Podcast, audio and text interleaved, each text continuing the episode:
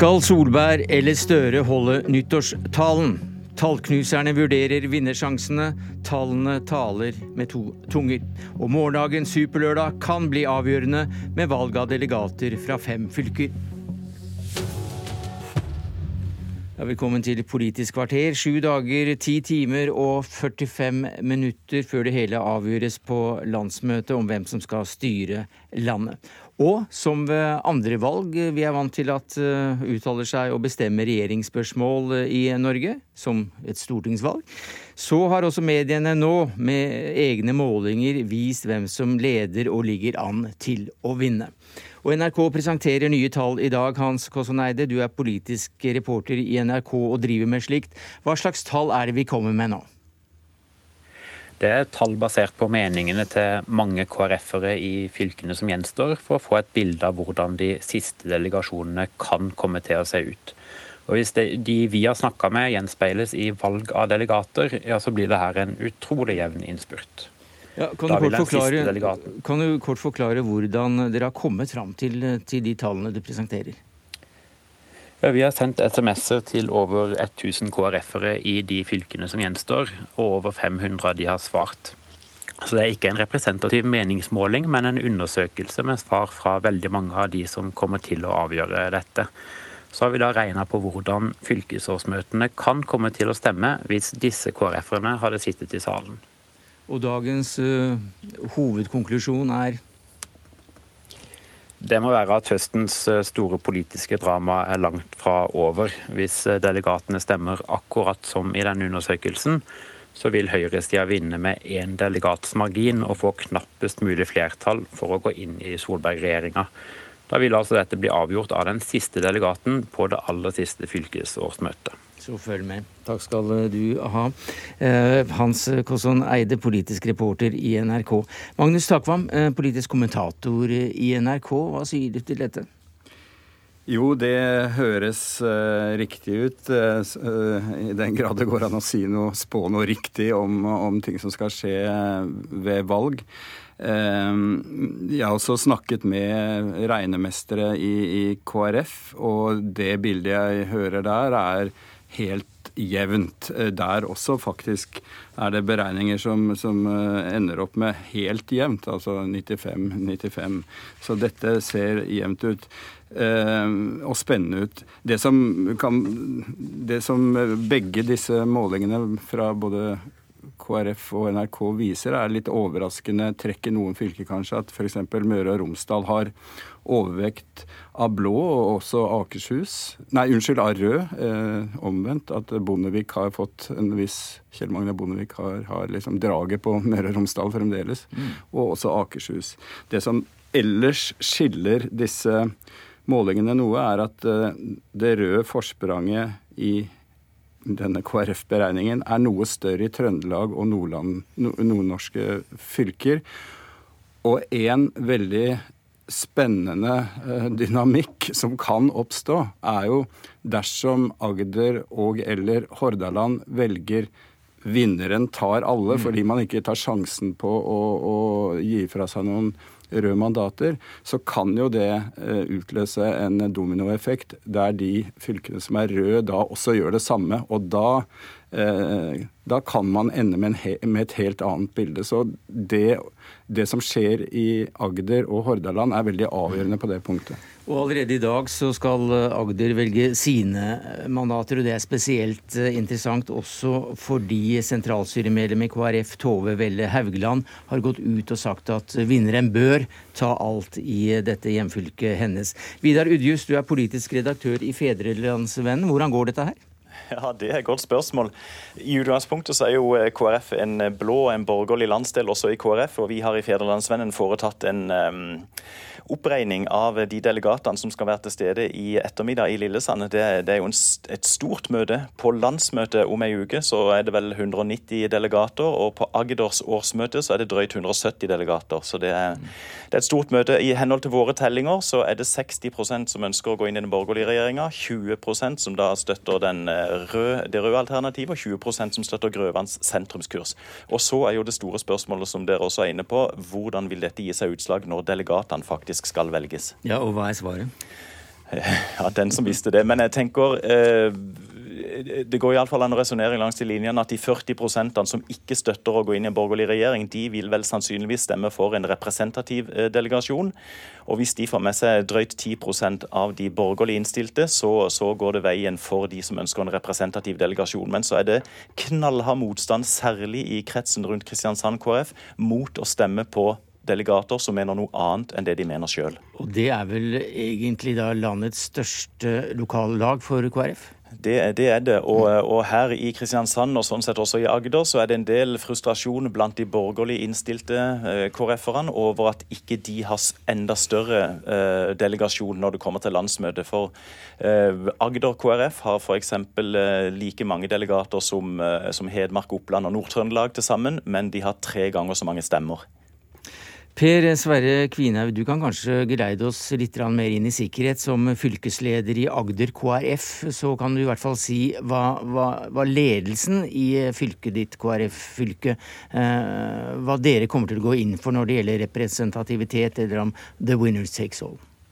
Ja, Fylkesstyret har jo ønska at uh, delegasjonen fra Agder som skal sendes til landsmøtet, skal speile årsmøtets ulike syn. og Derfor har jo òg da vi har foreslått via AU nå å, å gjennomføre et forholdstallsvalg. Eh, og at vi legger til grunn eh, eh, valget av våre utsendinger på bakgrunn av det, og med liste som fordeler seg med navn for de ulike synene. Men dette er ikke avgjort mens vi sitter her?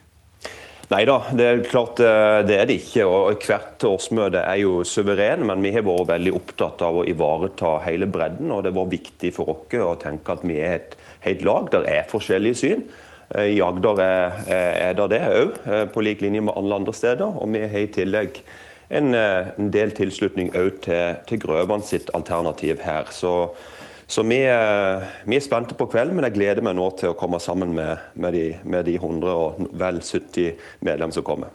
Vidar Udjus, hva er det som kommer til å bli mest spennende på, på møtet i kveld? Definitivt eh, debatten rundt og gjennomføringen av avstemningen omkring valget av eh, delegater. Og Da vil det være Per Sverre Kvinlaug, som jo representerer eh, ledelsen i fylkeslaget, og de forskjellige lokallagslederne som vi har snakka med. De, de, ser ut til å støtte ledelsens ønske om å sende en representativ delegasjon.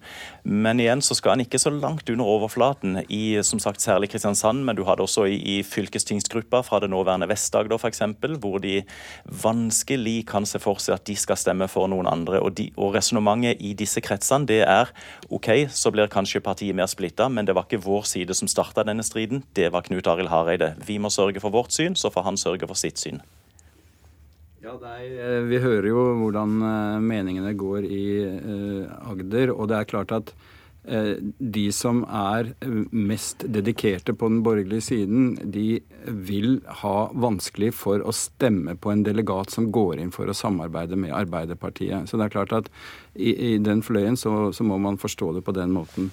Men det som selvfølgelig også går an å resonnere når det gjelder eh, den skjevfordelingen som har vært mye framme blant, eh, blant eh, de største fylkene for KrF i valget nå, er jo at eh, KrF nå ligger nede. De fikk 4,2 ved sist stortingsvalg. Og det er liksom bibelbeltet som har levert velgere for KrF. Men skal KrF vokse, så må man jo også ta hensyn til de regionene som tidligere var sterkere. Altså Hvis man går tilbake til 2001, da KrF hadde 12% og var høyt mm. oppe, så var også nordnorske fylker, eh, Midt-Norge, eh, Innlandet osv. langt bedre representert enn nå. Så det avhenger veldig mye av hvordan man tenker, om man vil ha et øyeblikksbilde eller et litt lengre perspektiv. Og det avhenger også en god del av om man om vinneren tar alt, eller om det blir representativitet som ligger til grunn. Og Hans uh, Kosson Eide, som, uh, som, tallknuser for NRK her, så har dere regnet også på det, hvem som vinner og taper på om, om vinneren tar alt? Ja, Hvis vi ser på de tallene bak eh, undersøkelsen vi presenterer i dag, så viser den at det ville blitt nærmest dødt løp hvis alle de siste fylkeslagene skulle valgt etter vinneren tar alt-prinsippet. Da ville vi fått 46 til 47 nye 46 eh, blå og 47 eh, røde delegater. Men siden høyresida allerede har en ledelse, så ville ikke det vært nok til å, å redde Hareide. Hareide har jo sjøl bedt fylkeslaget om å velge delegater representativt. Men det er klart at han kan klare seg eh, og få med seg et flertall hvis noen av de røde fylkene trosser det rådet og velger rene røde delegasjoner, litt sånn som Rogaland gjorde med en veldig blå delegasjon. Men om en uke er det også selve landsmøtet, og da skal det avgjøres, Magnus Takvam. Eh, og du har jo hele tiden sagt at vent til landsmøtet, for tall er tall. Men eh, det er hemmelig avstemning, og mye kan skje.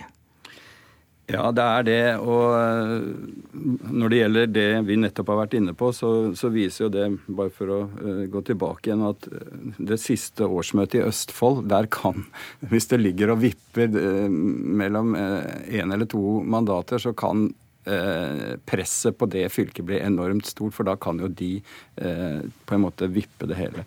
Men altså, landsmøtet har jo en egen dynamikk, og det er jo en del nå som tar til orde for at kanskje Grøvan sitt alternativ er den letteste veien ut av dette. Og som får bli i opposisjon? Ja, og jeg, har, jeg, for min del klarer ikke å vurdere om det er riktig eller ikke. Jeg får hele tiden høre fra begge sider stort sett at vi er nødt til å ta et valg. Og de, de tror ikke på at det er noe poeng i å utsette det linjevalget nærmere fram mot 2021, for da, da, da får du den samme bitre konflikten igjen, muligens. Nei, for Vi hørte i Nyhetsmorgen eh, i dag for noen minutter siden eh, Vebjørn Selbekk, eh, redaktøren av Dagen, si at mange på venstresiden kanskje vil velge for dette tredje alternativet, altså forbli i opposisjon, om de ser at ikke det går deres vei på landsmøtet, og dermed så kan dette tredje alternativet bli størst. Ja, det er jo en veldig sånn teoretisk uh, hypotese. Jeg, det avhenger av stemmemetoden. Altså hvis man først, uh, som det er lagt opp til, voterer over prinsipielt å gå i regjering uh, på den ene siden, eller å gå i opposisjon på den andre, og regjeringsalternativet vinner, så er jo det ute av banen for, også for, for de røde. Så, men, men, som sagt så, så, kan stemningen rundt det muligens bli større når man ser at det å gå inn med et knappest mulig flertall i et så kontroversielt sidevalg, at det blir eh, blir eh, mange som vil ty til det. det. Det, er et av mange spenningsmomenter. Men så er det da altså superlørdag, som det kalles, eh, nå med valg i fem fylker. Og det største KrF-fylket er Hordaland. Der er du fylkesleder, eh, Dag Sele. Hvordan går det?